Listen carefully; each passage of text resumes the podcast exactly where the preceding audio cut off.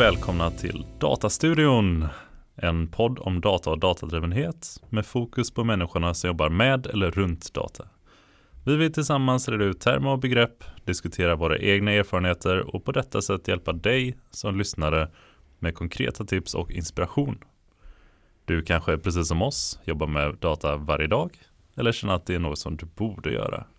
Vi som sitter här idag är jag, Erik. Och jag, Hugo. I julstugan. I julstugan. Idag är det den 29 december så att vi är, eh, vad ska man säga, mätta, belåtna, trötta. Mm, färdigätna av julmat. Ja, det var jag nog redan innan jag åt första julmaten. Jag vet inte. Är det, får man säga så? Julmat överskattat? Uh, ja, nej.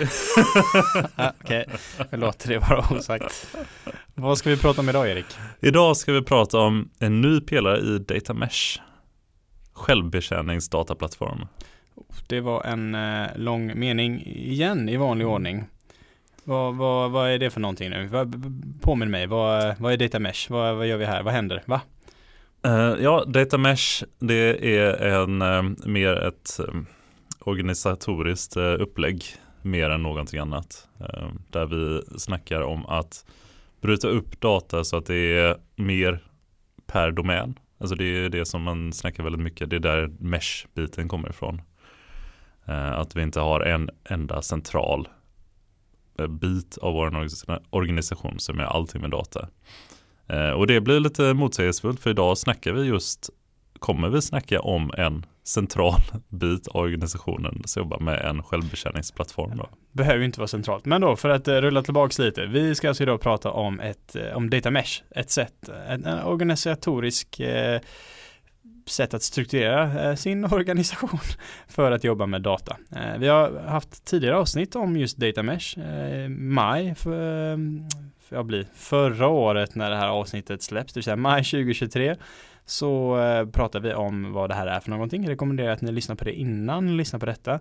Sen så hade vi ett eh, uppföljningsavsnitt i augusti 2023 där vi pratade om en av de här fyra pelarna. just eh, dataproduktspelaren. Där vi går in och pratar lite om konceptet att jobba med data som en produkt. Mm. Och det var den jag kallade för den viktigaste om jag kommer ihåg Ja, den viktigaste pelaren. Mm. Men eh, du kommer inte komma och säga att eh, dagens pelare är viktigare. Det får vi se. Ja. Eh, och innan eh, vi kickar igång så ska vi också påminna vad de andra pelarna är. Så Data Mesh då består i grund och botten av fyra pelare. Att jobba med data som en produkt har vi nämnt. Det har vi ett eget avsnitt om. Eh, tanken är att om man har produktmindsetet när man jobbar med sin data, då blir det smidigare och enklare och mer effektivt att faktiskt generera värde till dina konsumenter av datan. Sen har vi även en annan som är domänägandeskap och då är tanken att varje domän ska få äga sin egna data istället för att ha en central, ett centralt team som ska jobba med all data inom eh, hela organisationen så är det bättre att man lyfter den här det ägandeskapet till respektive domän som har koll på sin data och sin domän. Hellre att de tar ansvar för sin data. Så det är ett framtida avsnitt där vi kan gräva mer i det. Sen har vi en annan som är federerad styrning och då är tanken att även om man har domänägandeskap, att varje domän får äga sin egna datahantering och så vidare. Och så, vidare. så är det ändå viktigt att man ska kunna eh, ha ett homogent sätt att samarbeta mellan de olika teamen så att inte du har en definition av vad en användare är och sen kommer ett annat team, en annan eh, domän och definierar en användare som något helt annat. Då blir det svårt för era två produkter att kunna samspela för den tredje teamet som vill nyttja både era dataprodukter. Så det är också en, den tredje pelaren. Och sen så har vi då en fjärde. Nu har jag blandat ordning på de här hejvilt, men den vi ska prata om idag, det var det du nämnde. Självbetjäningsdataplattform. Jajamän. Var det en okej okay sammanfattning? Ja, jättebra tycker ja. jag. Men vad, vad sägs? Ska vi kicka igång eller? Ja, det gör vi. Låt om oss!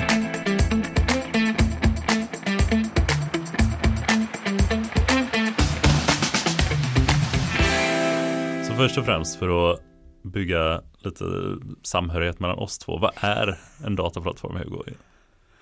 En dataplattform, ja det är ju ett ställe där man kan eh, processera och behandla data, orkestrera, transformationer, analysera, dela, hitta, massa saker. Så allt, ingår allt? Ja, ska vi säga det. Men det vi pratar om nu är ju specifikt då självbetjäningsdataplattform. Så att eh, om låt säga nu att jag i mitt team, Ehm, kanske ett nystartat team, eller ett väletablerat team, oavsett så ska man ju bygga något nytt kanske. Eller man har ett nytt ny request eller ny feature eller någonting, ett nytt use case. Kanske är så att nu ska vi plötsligt börja behandla lite mer strukturerad data och vill jobba med, eh, med en data warehouse-koncept. Det har vi inte gjort innan, kanske. Ett nytt sätt att modellera data. Ska vi då sätta oss på vår kammare, börja googla, researcha, lista ut hur kan man göra det här? Tänk vad nice det hade varit att kunna gå till organisationens centrala självbetjäningsplattform. En slags marketplace i princip. Och så kan man se vad andra team kanske har gjort tidigare eller kanske något slags samarbete mellan alla team inom organisationen där man gemensamt har etablerat någon slags, några slags standarder. Så här, här har vi ett, ett, exempel på hur man snabbt kan komma igång med just datamodellering i en data warehouse i kanske Google Cloud. För att, eh, och sen kanske något annat exempel är i Amazons eh, cloud, eh, AWS. Och så var fasen vad gött. I vårt team jobbar vi med Amazons och vi vill ha en data warehouse. Och här, här finns ju den här lilla marketplacen eller vad vi kallar det. Så ser man en, liksom en klick eh, to, come, uh, to get started med en data warehouse i AWS. Mm. Perfekt. Och den kommer med massa trevligheter som accesskontroll och hantering av eh, identifierbar information och eh, den kommer med massa smarta grejer. Så då kan jag bara snabbt komma igång. Gött! Skulle du säga att Data Warehouset är kärnpelaren i hela självbetjäningsplattformen? Nej, det beror ju helt och hållet på eh, vad det är för domän, vad det är för eh, vad ska man säga, bransch, vad det är för mm. allt möjligt. Men om du skulle generalisera? Nej, det skulle jag nog inte säga. För det skulle kunna vara en organisation som inte alls jobbar med data warehouse, som kanske bara jobbar mer med realtidsdata. Då kanske det bara är ett annat exempel. Kanske mm. Någon schysst sätt att komma igång med en Kafka-ström. Kafka då som ett verktyg för att jobba med realtidsdata. Som vi har ett annat avsnitt på. Som vi har ett annat avsnitt på, exakt.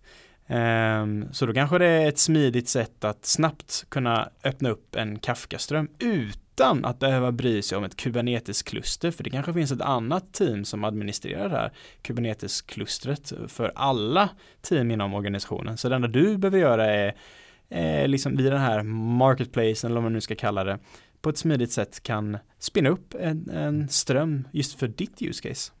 Snackar vi även eh, visualiseringsbiten här? Att vi vill, eh, om man skulle ha Power BI som definitivt är den som växer mest i alla fall.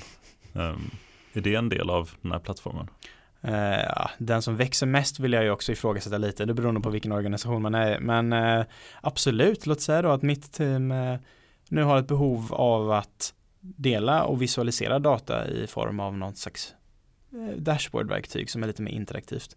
Och då går man in, återigen, har jag sagt marketplace många gånger, men det känns ändå som ett eh, pedagogiskt sätt att snacka om det. Gå in där så ser jag, kolla här, här finns möjlighet att eh, smidigt eh, skapa accessgrupper och så vidare och så vidare och connecta till en specifik datakälla och sen skapa en visualisering i, låt säga då Power BI eller om det är Click eller Tableau eller vad det nu må mm. vara.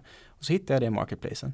Istället för att jag ska behöva köpa en en Power BI-licens eller behöva eh, hitta, eh, visualisera det på egen hand genom att koda ihop någonting på egen hand, bygga någon frontend och allt sånt där. Då kanske jag hittar då ett smidigt sätt att skapa en dashboard i den här självbetjäningsplattformen. Mm. Och du som, nu var du ett väletablerat team, man som nytt team, hur hittar man ens det i sin organisation? Är det ett centralt team man går till? Eller nu snackar du lite om något sorts community där det finns eh, gemensamma standarder. Det skulle jag påstå är ganska svårt att nå till ett så pass moget eh, beteende. Eh, så är det då kanske något centralt team som sitter och administrerar det här lite grann eh, när det kommer till accesser, när det kommer till processer och best practices. Alltså hur, Hur ser det ut i praktiken? Jättebra fråga eh, och det finns ju många nivåer av mognadsgrader. Men vi kan väl diskutera någon slags utopi då, eh, mm. så bästa möjliga scenariot. Så lite som Zamak Degani då, upphovsmakerskan till hela konceptet Data Mesh beskrev. Och då är ju tanken att eh, alla team jobbar inom sin domän, jobbar med sina dataprodukter, jobbar med det som de kan bäst, eh, har alla olika eh, vad ska man säga, skills som behövs. De har data scientists, data engineers och så vidare och så vidare. Sen så kanske det finns någon representant från varje sån här team, varje domän som möts i någon slags centralt eh, forum där man gemensamt då representerar eh, sina olika domäner och kan diskutera saker som då rör alla team, alla domäner och att man där då kan etablera vad är best practice som vi vill jobba med inom organisationen och komma överens om definitioner och komma överens om hur ska saker och ting se ut.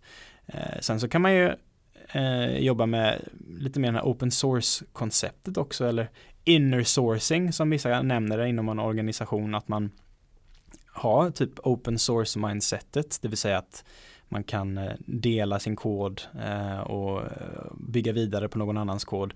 Fast inom en organisation, mm. därmed inner sourcing.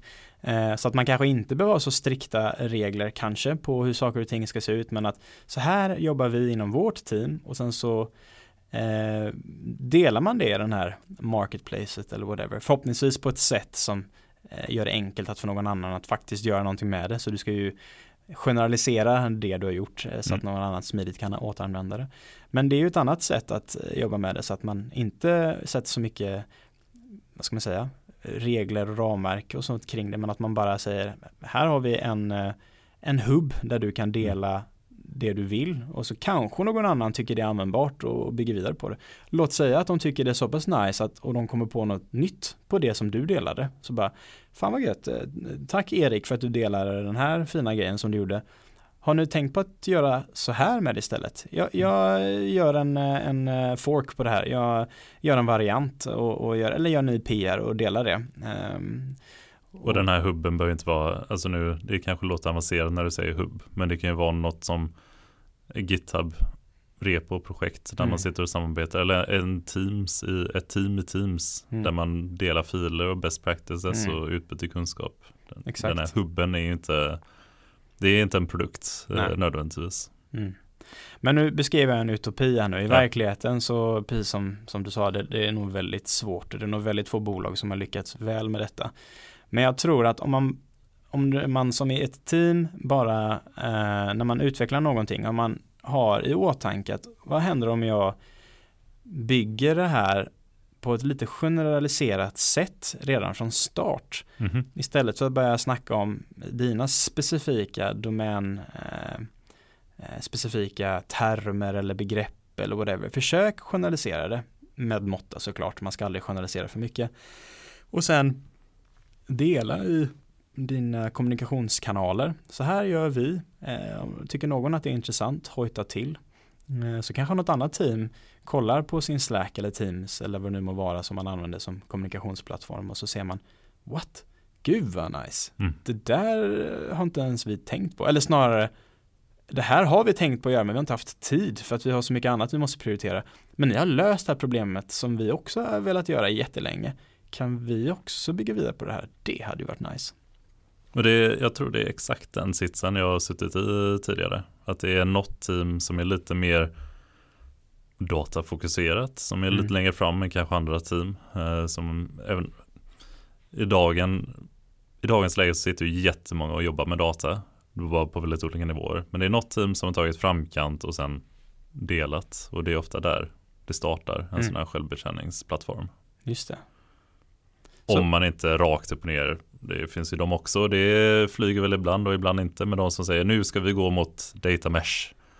Och tågar stenhårt på det och sätter upp ett team. Alltså det finns ju det också. Men det finns ju stora risker. Ja, nu börjar vi gå in lite på hur man ska implementera det här då. Är det bottom-up eller top-down? Eh, ska det komma organiskt från de olika eh, vet det, eh, självgående teamen som vill dela med varandra eller ska det komma som krav uppifrån att man ska tvinga det? Det är ju jätteintressant. Jag tror vi båda två har åsikter kring detta. Men då för att sammanfatta lite, eh, varför är det här konceptet med självbetjäningsdataplattform bra enligt dig, Erik? Eh, någonting du har varit inne mycket på nu när du har snackat det är just den här minska startsträckan. Alltså göra lyfta hastigheten för många team och framförallt de små teamen som är kanske lite färskare. Um, sen en annan grej som vi också varit inne på hittills det är den här med kunskapsspridning. Just det. Väldigt viktig del inom det här. Mm. Det, ja, det stämmer ju inom saker även utanför självbetjäningsdataplattformer. Men Mm. det här att få upp communitybyggande och dela kunskap och Mm. göra det till en grej. Att just den här varje gång, det behöver inte vara stora plattformstänk som eh, du snackar om nu. Mm. Där man, men om du bygger någonting, att bara lägga lite mer tid på den, på att göra den tillgänglig för andra personer också. Mm. Det är ofta inte så mycket som krävs i insats, men det kan Mm. ge så otroligt mycket på andra sidan. Och jag vill en liten eh, sidnot på det också. Du behöver kanske inte ens göra det generaliserat så att någon annan kan göra det. Du kan ju bara göra det superspecifikt för dig men berätta så här gjorde vi Ja och sen bara skriva i Slack eller vad det nu må vara. Så här gjorde vi i vårt team. Det funkar skitbra. Jag vill bara berätta. Lite humble brag, lite skryt. Och då kanske något annat team säger What? Fasiken vad nice. Det där vill vi också göra. Ja, alltså vi har inte generaliserat det, men ni, här, ni kan gå in och kolla på vårt eh, GitHub-repo eh, och kopiera, bli inspirerad, gör vad ni vill. Det är ju också en typ av eh, kunskapsspridning och en kanske inte så mycket självbetjäningsplattform per se, men i alla fall ett bra sätt att sprida kunskap och innovation liksom. Verkligen. Sen en annan grej är ju just för att den här data mesh eh, vad heter det, eh, igen, organisationsstrukturen Mm. eh, den eh, är ju per definition distribuerad. Mm. Så för att behålla lite den här biten av eh, standarder inom teknik mycket. Det är ju inte ovanligt att folk kanske byter team från ett till annat eller att man börjar samarbeta med ett nytt team. Mm. På olika sätt så kommer man ju interagera fortfarande. Mm. Och för att behålla hastigheten då att kunna känna igen sig lite i kanske textstacken eller känna igen sig i hur man hämtar data och så vidare. Så att ha lite mer homogen best practices standarder Mellan team. mellan team, ja precis. Mm, så att organisationen eh, inte kommer behöva säga att ja, vi jobbar med alla världens cloudleverantörer och vi har 51 olika typer av data warehouses kors och tvärs. Det, det är ju den här avvägningen, det här är ju det är ju inte rätt eller fel här någonstans men Jag har också sett företag som använder det för att skryta. Att, ja, det, det finns ju någon typ av argument för att det är bra att inte bara sitta med en cloudleverantör ifall det skulle bli Ja. väldigt dyrt eller eh, downtime eller någonting, någon legal anledning så ska man ändå ha en presence, alltså någon typ av deltagare i någon annan cloudleverantör, då kan man alltid flytta över kanske. Men det är den här klassiska avvägningen med att ska man ta den tekniken som är absolut bäst lämpad för ditt use case eh, gentemot att eh, välja den tekniken som gör det smidigt för teamen att samarbeta. Att kanske välja det som kanske inte hade varit det absoluta bästa alternativet för ert team. Men välja det som kanske är tredje bäst för att väljer du det då är sannolikheten mycket, mycket högre att någon, något annat team kanske kommer vilja använda det också eller nyttja din data som du producerar. Mm. Så den avvägningen är ju inte eh, självklar, men den får man alltid ta. Och vad säger vi där då? Att det är ändå bra att kanske ibland inte alltid välja det bästa utan snarare kanske välja någonting som gör det smidigare att samarbeta. Eller vad tycker du? ja, det är definitivt. Excel. Det är, ja, om du vill ha det så uh, närliggande som möjligt till Ja. gemene person, absolut. Bara Excel, inget Nu har annat. jag Excel Python också. Ja, herregud, använd inte Python i Excel. Ah. Få- Ja, nej. men det, det i hela den här resan det krävs att det finns någon form av ledare, någon form av team som eh, drar lasset lite grann. För det kommer precis som så väldigt mycket vi snackar om vara en förändringsresa. Mm. Och det krävs någon eh, ambassadör, någon community leader, någon Mm. sammanhållare. Eh, det är ju inte självgående, det här kommer inte bara födas organiskt. Nej, precis. Det, det krävs att man har några riktiga sådana data advocates, alltså data eh, hjältar som, som eh, kan se förbi sin egna lilla sitt egna team, sin egna domän och förstå eh, vad det finns för möjligheter med att samarbeta och vad finns det för saker vi kan göra för att göra det smidigare att samarbeta och dela verktyg, best practices, eh, små moduler som funkar bra i ett team som man tycker det har varit superbra om andra team också använder den här modulen. Hur kan jag göra för att de också ska börja använda detta? Jag kan dela med mig av det vi har gjort.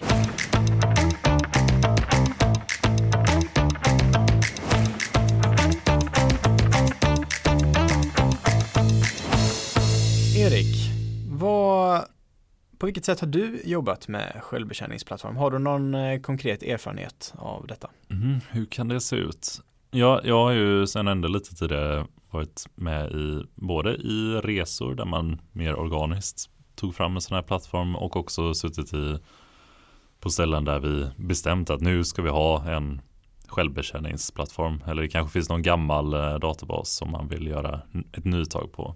Men eh, bara för innan vi går vidare, är det då att ni har, nu ska vi bygga en, en hubb eller en marketplace eller är det att nu ska vi eh, göra, ska man säga, dela en specifik tjänst och göra den smidig att återanvända? Eller liksom hade ni en grandios vy eller var det att nu ska vi dela med oss av en, en grej? Ja, det har varit eh, något mellanting eh, kan vi kalla det för. Mm. Det, eh, det är inte att det är en enda, ja, vi, jag kommer till den biten. Eh, men om vi startar med den mer organiska. Så mellan båda de här två olika har det varit olikt men också väldigt liknande. För någonstans så startar det ju väldigt ofta med att man behöver kunna lagra data för att kunna dela med andra. Eh, och i det tillfället så eh, visste vi inte riktigt hur datan skulle se ut. Så vi startade bara med en data lake i Azure. Eh, det var det första och sen i kombination med det snabbt då så jobbade vi med ett annat verktyg som heter Databricks. Och Databricks då var väl eh, inte lika bra som det är nu. Jag har testat det lite det senaste också, men det var lite mer bare bones vad det kunde göra. Men i summa summarum så gav det dig möjligheten att querya din data och att bygga analys på din data. Och även göra eh, data engineering, alltså modellera din data. Eh, och det då på den tiden så var det väl inte det bästa verktyget för det eh, för de kapabiliteterna. Men det var de två punkterna. Det var en data lake plus ett sätt att jobba med datan egentligen. Det är de två bitarna, lagring och jobba med datan. Okej, okay. när du säger data lake så menar du helt enkelt lagring? Ja, precis. Eh, och det var ju, fanns både bra och dåliga saker med den eh, approachen. Det var en approach som var väldigt te tekniskt krävande eh, vid det tillfället. Så det var ju bara de som hade kund, eh, bakgrund inom programmering och inom eh, ja, dataanalys från Python till exempel som satt där inne och jobbade. Eh, vi hade ingen SQL-möjlighet till en start så det var svårt för till exempel eh, ja, Power BI eller ClickSense att komma åt datan på ett bra sätt. Men i alla fall så Alltså visualiserings dashboardverktyg. Ja, mm. Eh, dashboardverktyg. Eh, även då de, det fanns ju säkert de inne i eh, businessen som har suttit i SQL innan. Det är förvånansvärt många när man börjar kolla runt som har lite lätta SQL-kunskaper. Det är ju också liknande, alltså det är ju Excel och olika sådana saker att skriva formler är ju inte så långt ifrån. Det är lite mer straightforward. Nej, så det saknade vi lite grann. Eh, jag tror också att det, att starta med data lake på det sättet, om man inte har en väldigt tydlig plan så är det lätt att det blir eh, väldigt ostrukturerat där inne. Eh, och sen en annan stöttepelare också, det var att jobba med någon form av katalogisering av datan. Att kunna hitta data enkelt. Nu på det här stället så hade vi inte så otroligt mycket olika typer av data, inte så många olika domäner. Utan det var snarare en större domän med väldigt många team i sig. Eh, som jobbade med samma typ av domändata. Kanske lite olika, lite mer finansdata, lite mer eh, användardata. Eh, men väldigt många jobbade med samma typ av data hela tiden. Så det hade vi, lagring i form av en Azure Data Lake jobbade med den i Databricks då huvudsakligen. hade lite orkestrering och sånt i till exempel Airflow. Eh, så så kan det se ut praktiskt. Eh, Jag hänger inte med nu, så på vilket sätt gjorde du det här till självbetjäning? Eh, jo, eh, jättebra fråga, det tog jag inte upp. Eh, så då var det just den här organiska upp, eh, uppfödningsbiten. Så vi behövde det själva när vi satt och jobbade i vårt team då som var ett datateam, ett rent datateam. Ett Eh, centralt sådant? ett centralt sådant i den eh, delen av organisationen i alla fall. Och sen då så upptäckte vi att det var fler och fler eh, som ville kunna jobba med data på ett mer då avancerat sätt eh, utanför Google Analytics till exempel. I, I andra team? i andra team. Och då Eh, ganska snabbt så eh, kunde vi ta in dem och de kunde få ta del av det, de möjligheter vi hade. Och det såg ut till en början genom att eh, skriva och schemalägga Python-skript rakt upp och ner i Databricks. Och sen så blev det mer och mer att vi utökade de kapabiliteter vi själva hade. Att, så att de väldigt smidigt sen kunde kanske göra en pull request så de kunde lägga något i Airflow. De kunde lagra, bygga sina egna dataset i da- data laken. De kunde dela sin egen data med andra team och så vidare. Men på vilket sätt blev detta självbetjäning?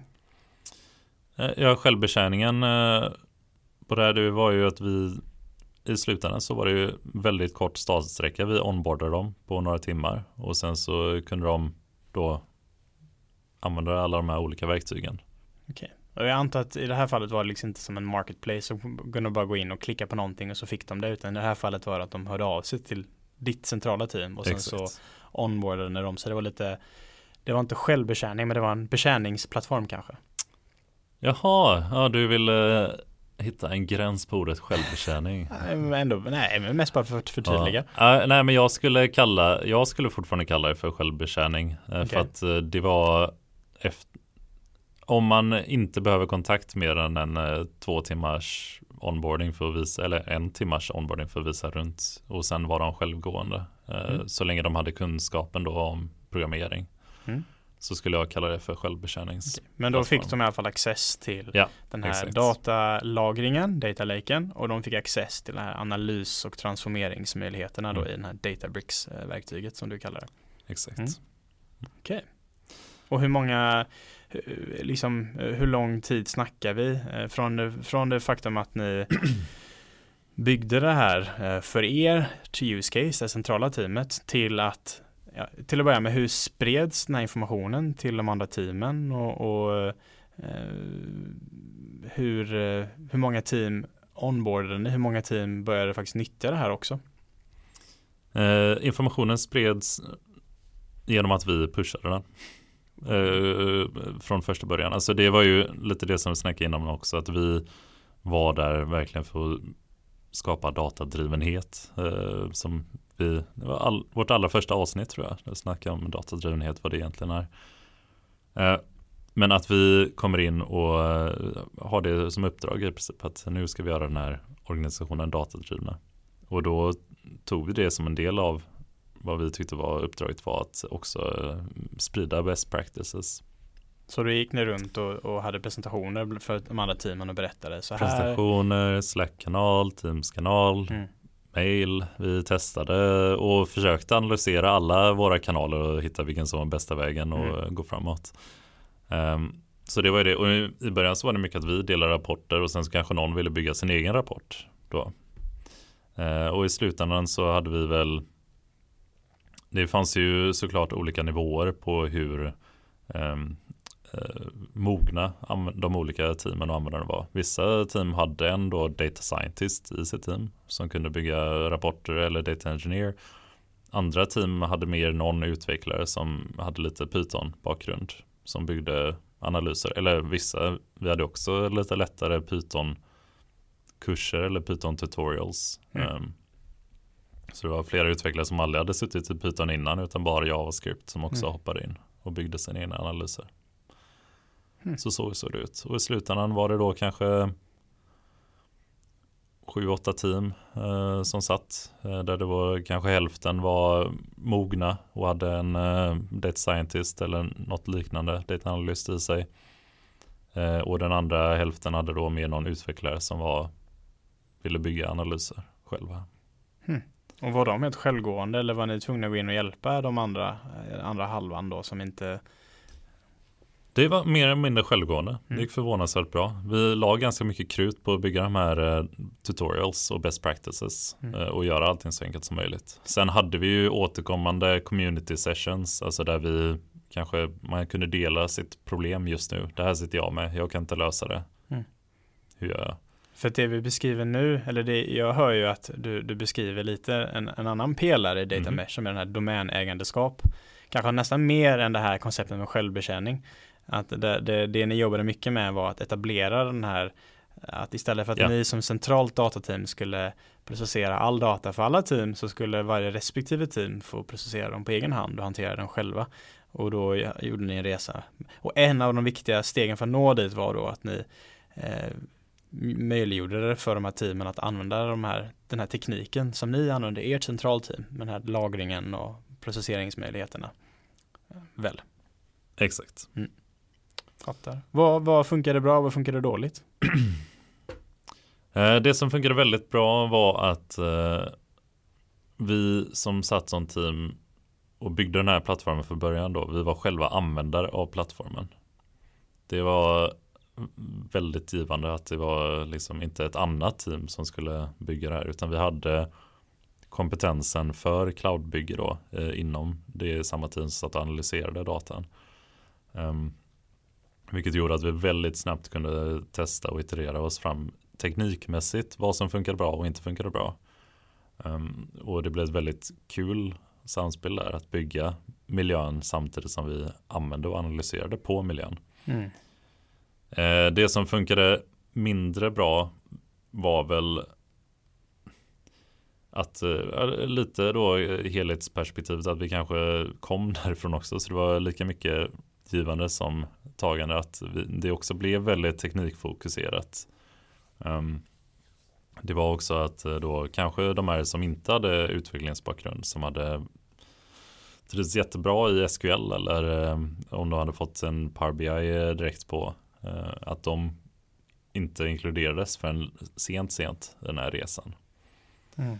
Att den startade väldigt snävt då. Mm. Eh, en annan eh, bit som också kunde ha varit bättre är nog eh, vi hade inte riktigt dataproduktstänket. Nu kommer vi in på en annan pelare också. Men det kan utforma din plattform lite grann också. Mm. Hur du ser på data. Mm. Eh, hur, när det kommer till accessmönster, när det kommer till eh, eh, separation av vad som finns av data. Lite, alltså mer paketerad eh, produktmässighet. Fattar. Vi, alltså, vi kände inte, jag vet inte ens om data mesh konceptet var en grej vid det här laget. Utan det var det var mer att vi eh, alignade mot det någon gång Mm. eh, när det väl flög upp. Så Mm. det var ju mycket av de här, alltså, mycket av det här vi har missat eh, då för massa Mm. år sedan. Spännande. Jag tänker tillbaks på de eh, organisationerna där jag har jobbat innan också. Jag tänker framförallt på en organisation där jag jobbade där vi också eh, jobbade lite mot det här upplägget. Då, då satt jag med i ett team som skulle tillhandahålla eh, realtids processeringsmöjligheten, någon slags Mm. självbetjäning för det. Coolt. Då var det, använde vi, då, då drev vi ett, ett kluster, ett eh, Kubernetes-kluster som körde eh, Flink Mhm. eh, moduler och, de, och Flink då är ett, ett, ett, en teknik för att eh, processera data i realtid eh, och göra eh, transformationer på datan i realtid som man då kan köra i ett sånt kallat Kubernetes-kluster. Eh, För dig som inte vet vad ett Kubernetes-kluster är, det är helt okej. Eh, Det är i alla fall eh, ett sätt att administrera olika arbetarnoder. Mm. Man kan säga åt de här noderna i det här lilla klustret att göra saker åt det. Behöver inte gå in mer detalj än så. Ska vara robust och smidigt och är det robust och Jag eh, älskar Kubernetes i teorin men jag vill inte eh, administrera ett sådant kluster. Jag kan gärna använda det men Mm. inte vara den som administrerar. Eh, Men i alla fall, det vi gjorde då var att vi möjliggjorde det och gjorde det väldigt smidigt för jag tror tre eller fyra olika team ehm, att då skapa egna sådana noder i det här klustret som körde det här realtidsprocesseringsgrejen. Nu var det inte så mycket självbetjäning. Jag inser då när vi pratar att det mm. både du och jag, vår direkta erfarenhet eh, har varit väldigt mycket snarare det här att det finns ett centralt team som är möjliggörare för andra ja. team att göra saker och ting. Jag ser i den här utopivärlden att man eh, kommer till en slags marketplace eller hub och bara klickar på en knapp. Och någonstans var det väl lite så vi jobbade mot, i alla fall det fallet. Men vi hade kanske tre, fyra team som då hade egna arbetsnoder som processerade data i realtid. Mm. Jag tänker lite på min nuvarande eh, arbetsplats jag jobbar nu. Då finns det ju så här trevligt, lite faktiskt med en hubb eh, där man kan gå in och klicka för att till exempel automatiserat få access till organisationens GitHub organisation. Smidigt. Så istället för att man ska behöva fråga rätt person kan du ge mig access så klickar du på en knapp och så automatiskt får du access till hela organisationens GitHub kodrepon. Mm. Eh, just att det, nyckeln där för mig är automation. Mm. Eh, det är snabbt, det är smidigt, du behöver inte fråga massa folk. Finns i den här hubben, finns, eller marketplacen, finns det också väldigt smidigt eh, massa olika, till exempel Terraform-moduler. Eh, Terraform är ett verktyg för att eh, koda eh, infrastruktur. I mm. det här fallet var det då mot GCP eh, som är Googles cloud-leverantör. Så då kunde du väldigt smidigt hitta lite då organisationsanpassade moduler för att spinna upp olika mm. tjänster i Google Clouds plattform som var anpassade för den organisationen med rätt säkerhetsaspekter mm. och så vidare och så vidare med rätt dokumentation. Så då kunde man väldigt smidigt, återigen automatiserat, behöver inte be om lov, behöver inte få godkänna, bara automatiskt kunna använda det mm. jättesmidigt. Ja, det tror jag nog mer på när det kommer till självbetjäning än eller just för uh, GitHub och sådana stora access ställen, där är en knapp. Men uh, det du snackade om innan, uh, det här med um, spinna upp saker. Jag vet inte, det kanske är mycket investerat att uh, knappifiera det. Nej, men jag vet inte. Uh, jämfört med uh, att få, att dela Terraform-grejer. Ja, eller jag tänker så här kod. då. Mm. lite i den världen du beskrev innan med den här lagringen med, ja. på en data lake och databricks. Tänk om man då om allt det här hostades i ett Kubernetes-kluster på något vis och sen så kunde du som ny potentiell användare, ett team som vill börja nyttja saker och ting smidigt kunna spinna upp en playground-miljö. Eh, mm. Du bara klickar på en knapp och så smack så får du en, eh, en miljö där du kan koda hej vilt, ha access till all data för det får man automatiskt när man klickar på den här knappen. Och så kan du göra massa analyser så kanske den är begränsad eh, i hur mycket du får processera så att det inte blir för dyrt. Eller så är den inte det. Eh, och framförallt så är den helt isolerad, fin egen miljö där du smidigt kan ja. bara göra saker.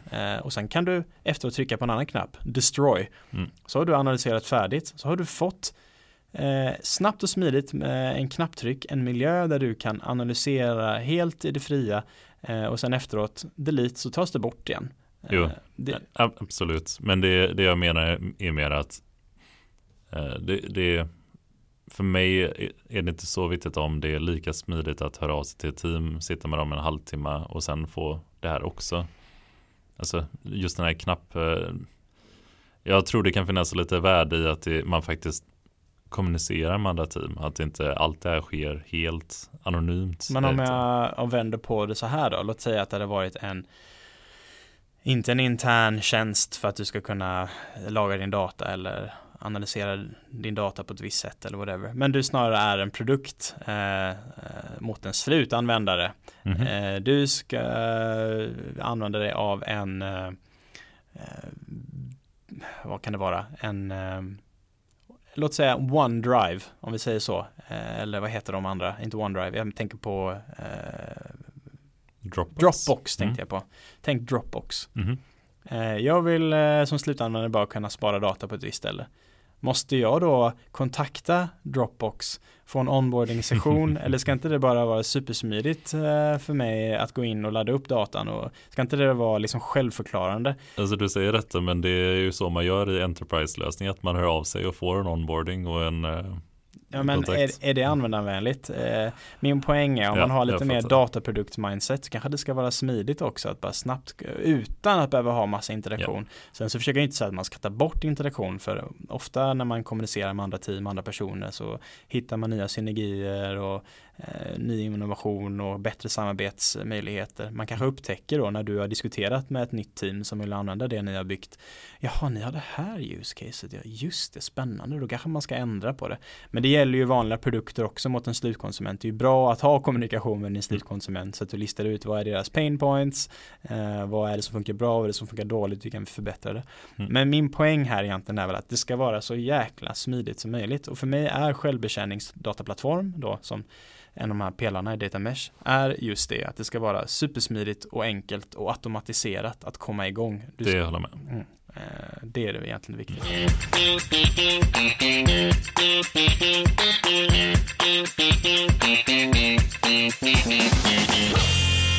Så nu hade vi lite god diskussion i slutändan. Så nu är jag nyfiken på vad du tycker att man borde starta någonstans Hugo. Nu finns det inte något sånt där centralt team alltså som redan har kommit igång och eh, börjat dela saker utan nu du sitter Eh, som kanske det mest avancerade teamet och börjar känna att eh, något sånt här behöver vi ha. Någon start på en självbetjäningsplattform. Var startar du någonstans? Ja, då hoppas jag ju att den här organisationen eh, jobbar med versionshantering av kod, någon typ av Git. Eh, och då hävdar jag att det absolut bästa, även i en mogen organisation, men framförallt för någon som ska komma igång med det här, är att man jobbar med versionshantering och Git och eh, bara berättar om det här, presenterar er lösning för andra team. I kommunikationskanaler. Nej, men, alltså kanske ännu tidigare, vilken lösning? Du har inte ens någon lösning. Eller snackar du om eh, om du kör lite Python-skript lokalt eller var, var är ni någonstans här? Jag tänker att i våra team så har vi etablerat eh, någonting. Vi har mm. ett sätt att eh, hämta data, laga data, processera data, okay. dela data. Vi har någonting som funkar för oss. Kanske allt det jag nämnde, kanske bara en bit av det. Men ja.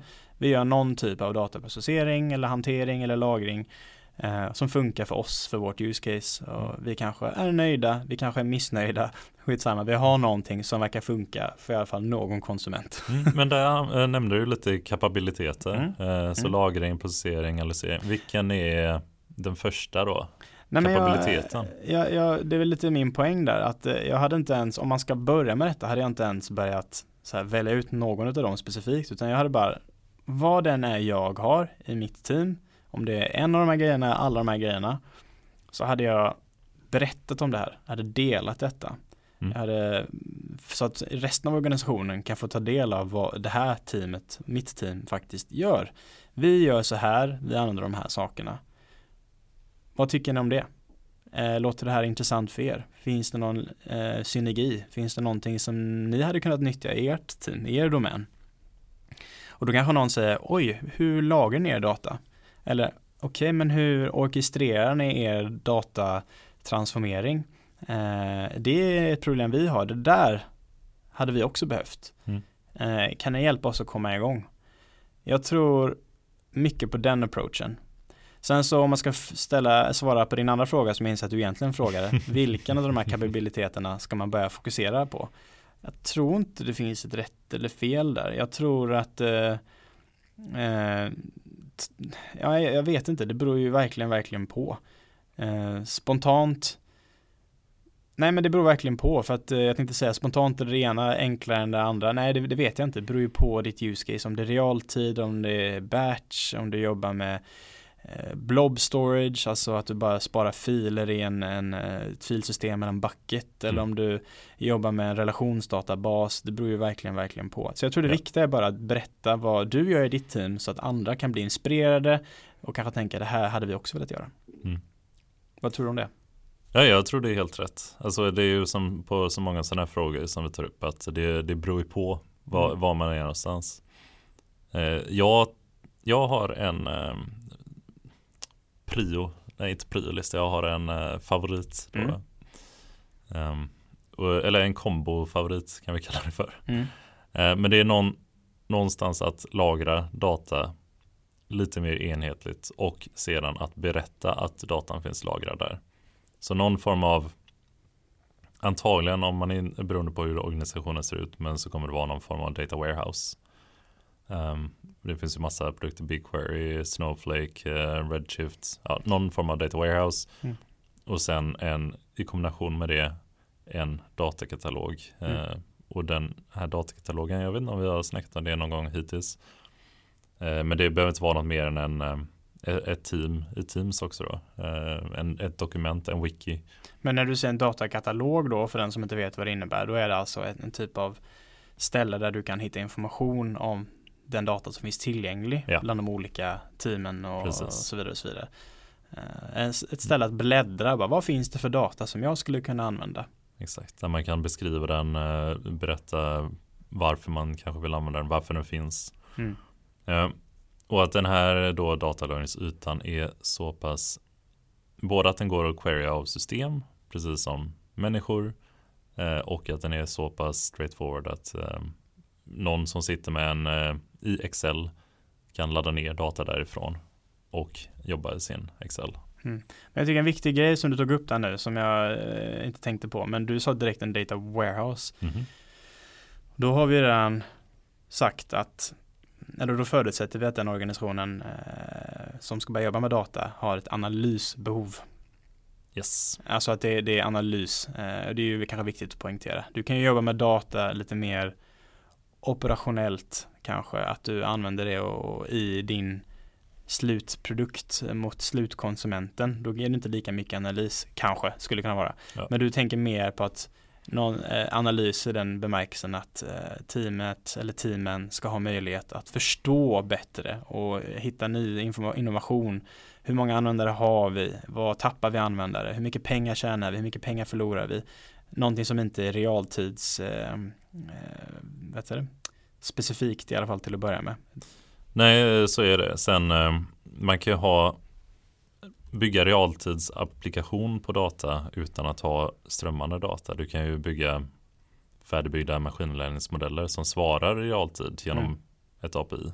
Eh, Det Absolut. Ja. eh, Så det är ju Alltså det är ju väldigt mycket, det är ju ett stort område Mm. eh, som vanligt. Men den här biten, jag tror lagring eh, och just för att jag har sett så många gånger när data dupliceras och sprids på konstiga sätt och det handlar inte om att eh, när man eh, snackar med sina kollegor så är det inte eh, var hittar du datan utan eh, vem har den här datan. Mm. Det är jättejobbigt läge att sitta och det Mm. finns direkt 118 varianter av samma data. Ja.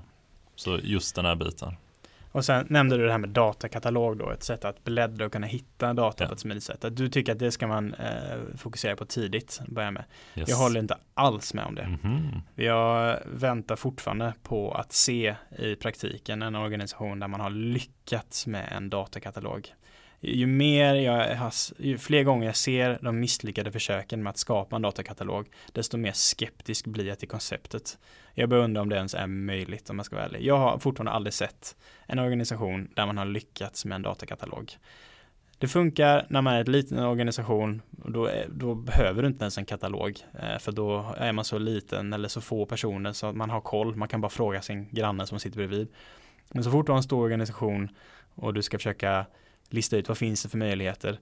Jag vet inte, jag har aldrig sett en organisation där man har för problemet då är att då har man inte dokumenterat tillräckligt bra. Man, har inte, man uppdaterar inte beskrivningarna tillräckligt bra. Så du kanske kan hitta någon data eh, i den här katalogen och så bara inser du efter ett tag att vad, vad betyder det här fältet? Vad gör den här? Vad finns det för brister? Vad är den vanligaste datatypen? Vad, är den eh, nischad mot något? Har vi en skev spridning?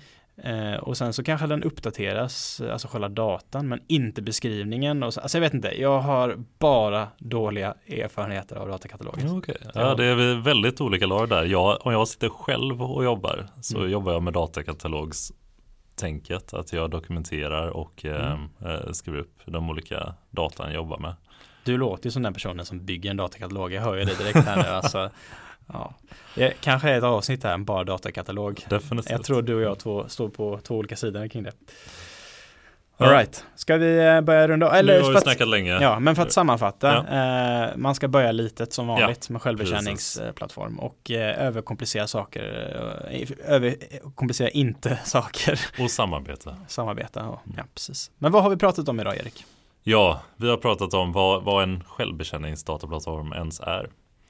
Eh, och jag hoppas att ni har kunnat fånga det, för det stora svaret är ju, svaret är ju, det beror på väldigt mycket. Men Mm. det är den här community-biten, det är att man delar inte bara kunskaper utan man kanske delar kod. Man delar tjänster i form av eh, knappifieringen så jag kallar det. Så Mm. du har eh, ge mig lagringsplats, ge mig access eh, Mm. automatiskt. Mm. Hela den här biten, det kanske sitter ett mer centralt team som organiserar eller man har med sig i communityformat, Mm. Hugos utopi, utopi eh, med en marketplace. Eh, det är olika typer av kapabiliteter i form av lagring, processering, schemaläggning, eh, realtid, analys. Ja, det kan vara mycket. Mm. Är det något jag missat? Vad är en eh, dataplattform? Nej, jag tycker det var väl sammanfattat. Och någonting som vi inte har sagt, men som, som är tåls att säga, är ju att du kan inte köpa dig en självbetjäningsplattform. Åh. Utan det här, du, du kan köpa en Power BI-licens eh, för din organisation. Men bara för att du gjort det så har inte du skapat en självbetjänings dashboard-lösning för det. Utan det är ett större steg än så. Du måste ha lite processer på plats som gör det smidigt att eh, komma igång ovanpå det. Eh, kanske smidiga konnektorer till, till datakällorna för din Power BI. Om du gör det smidigt att komma åt datan från Power BI, då kanske du börjar närma dig eller mer av en självbetjäningsplattform. Om du bara ger en licens och säger varsågod, gå loss, eh, då har du inte löst problemet. Så det vi försöker säga är att det är också en intern process. Du måste ja, lista ut sätt på hur du kan göra det smidigt att faktiskt komma åt de olika tjänsterna, modulerna, koden, vad det nu må vara. Nej, jag är så glad att du eh, sa den punkten. För just den biten att om du, det finns de som säger att de säljer självbetjäningsdataplattform som hela ett kit. Mm. Men du missar så mycket möjlighet att kunna innovera i tekniken då i framtiden. Mm. När du låser in dig i en sån eh, produkt, ett sånt system. Mm. Så gå inte i den fällan och köp in ett system Mm. eh, bara. Eller en datakatalog. ja, vi måste ha ett avsnitt om det Erik, jag hör det. Ja men äh, jäklar, vi skulle ta ett kort avsnitt idag, nu blir det nog rekordlångt istället. Vad hände? men det kanske är våra julhjärnor. Men äh, vi önskar väl gott nytt år från vårt håll, även om det är, eller en god fortsättning får det väl God bli. fortsättning, ja. Ja. Precis. Och guten Rutsch. Guten Rutsch ins neues Jahr, säger man i Tyskland, ja precis. Ehm, gött. Tack så mycket. Tack och bock. Hej, hej, hej.